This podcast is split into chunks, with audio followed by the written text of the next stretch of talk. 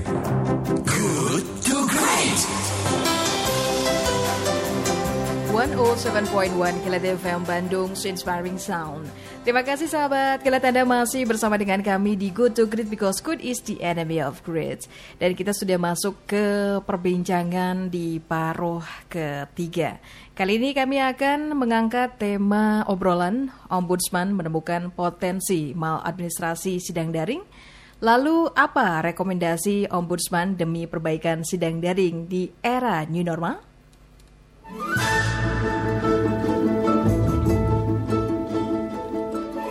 Sahabat Kelet, Ombudsman Republik Indonesia atau ORI menemukan sejumlah permasalahan dalam sidang secara daring oleh pengadilan di tengah pandemi COVID-19. Terbatasnya ruang sidang dengan perlengkapan uh, memadai misalnya sehingga terdampak pada lamanya jadwal karena harus bergantian. Anggota Ombudsman Republik Indonesia yaitu Adrianus Meilala mengungkapkan efeknya timbul potensi maladministrasi terkait penundaan berlarut atau ketidakjelasan waktu dalam jalannya persidangan. Nah, guna untuk membahas hal tersebut pagi hari ini kami menghadirkan narasumber yaitu Bapak Adrianus Meilala selaku anggota Ombudsman Republik Indonesia.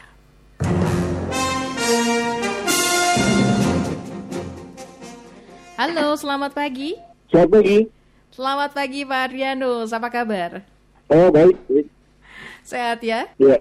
Pak Rianus, um, ini baru-baru ini Ombudsman Republik Indonesia atau ORI menemukan sejumlah permasalahan dalam sidang secara daring ya oleh pengadilan di tengah pandemi COVID-19.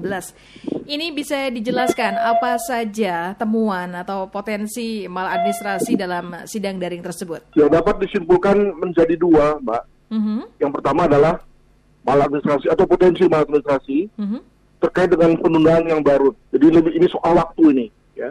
mhm. Diharapkan dengan adanya eh, sidang eh, virtual itu atau sidang online itu, maka eh, sidang bisa berjalan lebih cepat, eh, tidak wak- tidak ada waktu menunggu, eh, dan ujung-ujungnya peradilan yang eh, murah, sederhana, namun adil itu tercapai. Tapi karena keterbatasan dari sarana prasarana, mhm. Juga apa pe- pemahaman atau pengetahuan dari para peserta yang juga kelihatannya terbatas ya. Mhm, mhm. Ada hakim yang eh, mungkin selama ini nggak pernah menggunakan aplikasi sehingga lalu ya tidak merasa truk ya saat bersidang dengan dengan bantuan alat begitu. Nah juga tidak adanya tenaga-tenaga IT yang bisa mengendalikan kalau misalnya tiba-tiba jalurnya hang atau atau apa atau buffering gitu ya. Mhm, Nah mengakibatkan ujung-ujungnya waktunya menjadi makin panjang, mhm. lambat dan tidak pasti. Ya, alhasil kita ingin agar peradilan yang cepat malah jadi lambat tuh. Ya, Mhm. nah itu soal waktu ya. Yang kedua, eh, pengadilan lalu menjadi seperti terlihat tidak kompeten, ya, tidak tidak mampu melakukan satu sidang eh, sebagaimana diharapkan karena tadi eh, belum terbiasa, belum punya alat, eh, bandwidth-nya juga terlalu kecil, Mhm. Demikian juga berbagai instansi pendukung seperti kepolisian, eh, lapas juga dianggap sebagai tidak kompeten.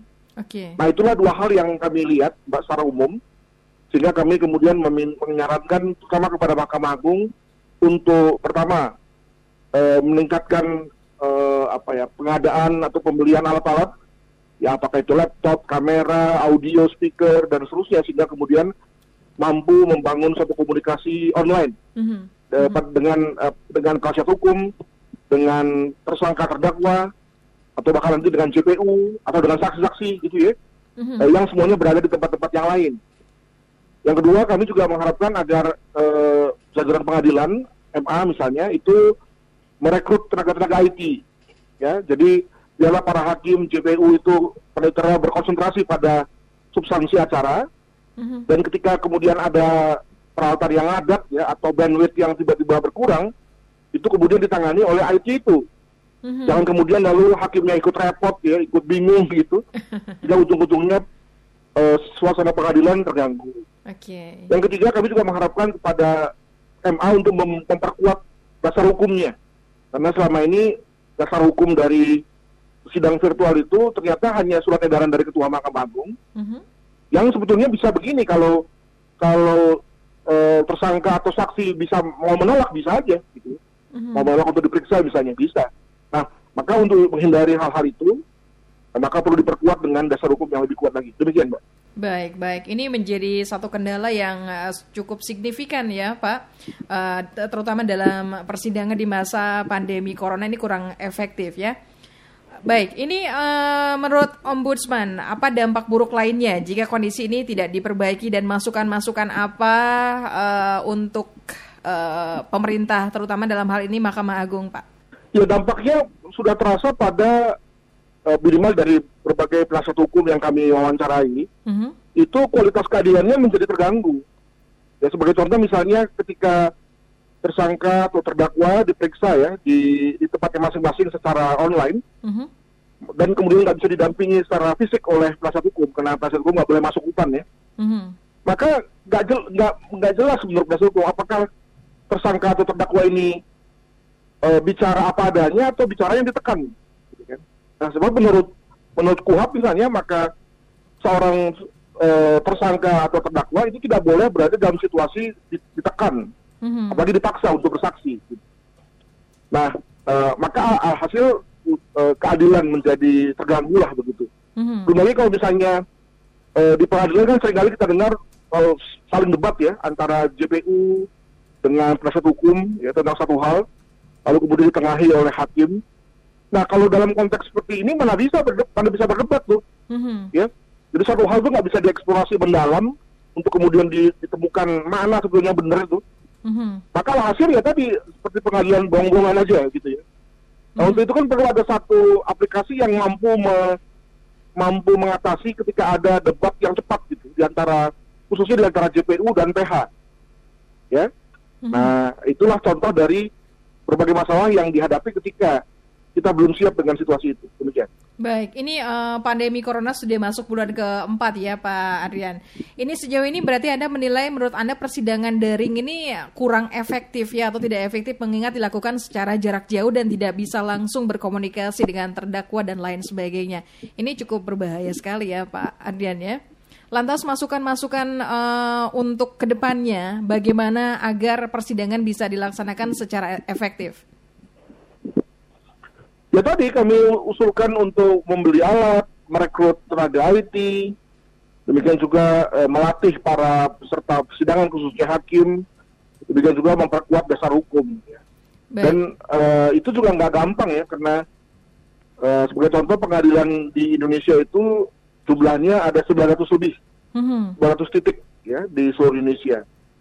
Baik. E, saya mendapat data dari pihak Mahkamah Agung, uh-huh. maka untuk mem, mem, me, apa, menambah bandwidth saja okay. bagi masing-masing uh-huh. kantor itu, itu Mahkamah Agung harus menyediakan anggaran negara sejumlah 200 miliar uh-huh. hanya untuk bandwidth. Belum okay. bicara soal kamera, belum bicara soal melanggani aplikasi, belum soal audio, jaringan, wah itu semua pasti akan jauh lebih banyak lagi dana yang dibutuhkan. Baik. Nah, eh, hal mana itu semua tidak dianggarkan untuk tahun anggaran 2020 ini. Mm-hmm. Sebagaimana kita ketahui kan pandemi ini kan membuat kita kaget semua ya dan harus merefokus anggaran yang sudah ada mm-hmm. uh, sebisa mungkin untuk kemudian memenuhi kebutuhan yang baru-baru muncul. Tetapi tentu nggak bisa semuanya karena uh, uh, keuangan negara kan juga ada batasnya. Mm-hmm. Kalau kemudian misalnya seluruh anggaran negara yang ada itu dialihkan untuk membeli alat, wah itu bisa bisa kena uh, undang-undang tipikor tuh. Ya, mm-hmm. jadi tetap ada batasnya. Nah, maka dengan kata lain harus dirancang untuk tahun depan. Jadi eh, apa yang kami mintakan kepada BMA itu ya baru akan terrealisir tahun depan sekitar Januari Februari Maret lah begitu. Jadi nggak bisa buru-buru juga gitu. Mm-hmm. Nah untuk itu ya maka kami juga menyarankan kepada Mahkamah Agung sebelum kita eh, apa sebelum mereka mengadakan pembelian pembelian alat dan seterusnya, maka minimal dengan hal-hal yang ada saja mereka memperbaiki diri. Dan dalam hal ini Mahkamah Agung itu menurut saya amat terbuka dan amat bersedia untuk memperbaiki uh, apa yang ada pada hari ini. Baik. Pak Adrian, ini terkait hal tersebut sejauh ini Ori apakah sudah mengkomunikasikan dengan pihak pemerintah katakanlah seperti itu dan apakah ada respon atau perhatian dari pemerintah mengenai hal tersebut? Uh, kami hanya menghubungi Mahkamah Agung uh, minggu lalu, kami kami paparkan hasil-hasil uh, amatan kami dan juga saran-saran kami dan sudah di, diterima dengan baik oleh Sekretaris Mahkamah Agung dan mereka memang uh, sebetulnya mereka juga punya uh, pandangan yang sama lah. Mereka juga tidak beranggapan bahwa apa yang sudah mereka lakukan itu sempurna gitu. Mhm. Uh, masukan-masukan bahwa terdapat kekurangan sana sini itu juga se- sebetulnya ada. Untuk itu maka uh, saran-saran ombudsman justru makin memperkuat mereka, meneguhkan mereka bahwa memang mereka harus berbuat memperbaiki situasi ya untuk kemudian memberikan pelayanan yang terbaik gitu. Nah minggu depan kami akan bertemu dengan pimpinan Polri, Mhm. Kejaksaan dan juga eh, Kemenkumham Mhm. karena mereka lah tiga lembaga yang menjadi eh, bagian dari eh, sidang pengadilan. kan? Jadi polisi itu yang me- me- menahan tersangka, eh, lalu jaksa yang menuntut dan juga eh, Dijen eh, Kumham khususnya Dijen Pemasyarakatan menjadi tempat di mana para tersangka terdakwa berada. Nah itu yang ju- juga punya masalah tuh, karena misalnya sebagai contoh, ternyata di rutan dan lapas itu juga tidak punya fasilitas yang baik terkait dengan uh, teknologi gitu ya. Sebagai contoh misalnya ada rutan-rutan di Jakarta itu hanya punya desktop dua. Padahal ketika sedang sidang itu yang antri untuk didengar kesaksiannya Mhm. itu banyak. Alhasil eh, antri kan, antri dan ujung-ujungnya membuat sidang menjadi makin malam. Eh, ya lalu semua lelah kan, penasihat Mhm. hukum lelah, hakim lelah, JPU lelah dan ujung-ujungnya ya sudah besok saja gitu, ditunda lagi. Mhm. Nah, jadi tadi kembali kepada penundaan yang baru yang tadi kami tenggarai, eh, maunya baik malah jadi tidak baik, kan Mhm. gitu. Oke, Pak Adrian, ini yang terakhir cara singkat saja. Eh, Ori, apakah eh, bisa memberikan saran atau menyarankan kepada MA untuk menyusun standarisasi eh, sarana dan prasarana demi meningkatkan penyelenggaraan persidangan di tengah new normal? Silakan, Pak. Ya tadi yang di awal bahwa kami su- su- sudah minta kepada MA untuk memperkuat dasar hukumnya, eh, include di dalamnya adalah agar ada standar-standar yang lebih ajak. Mhm. Ya, jadi sebagai contoh misalnya bahwa di semua pengadilan itu harus punya eh, ruang sidang yang dilengkapi dengan eh, peralatan teknologi seperti itu. Ya, jadi kalau misalnya mereka punya tiga ruang sidang atau empat ruang sidang, Mhm. maka minimal satu ruang sidang harus ada. Ya, Baik. Eh, untuk diketahui bahwa belasan pengadilan negeri yang kami datangi itu semua adalah pengadilan negeri yang ada di ibu kota provinsi, Mhm. di kota-kota besar. Yang asumsinya adalah justru teknologi, eh, pemilikan teknologinya lebih baik daripada pengadilan negeri yang ada di kota-kota kabupaten dan kota madya. Mhm.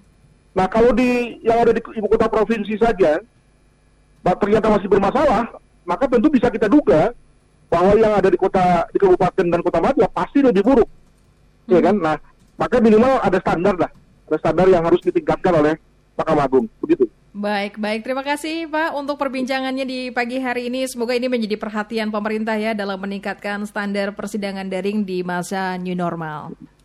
Terima kasih. Terima kasih, selamat pagi. Sukses untuk Anda. Demikian sahabat kilat perbincangan bersama dengan narasumber Adrianus Meilala selaku anggota Ombudsman Republik Indonesia.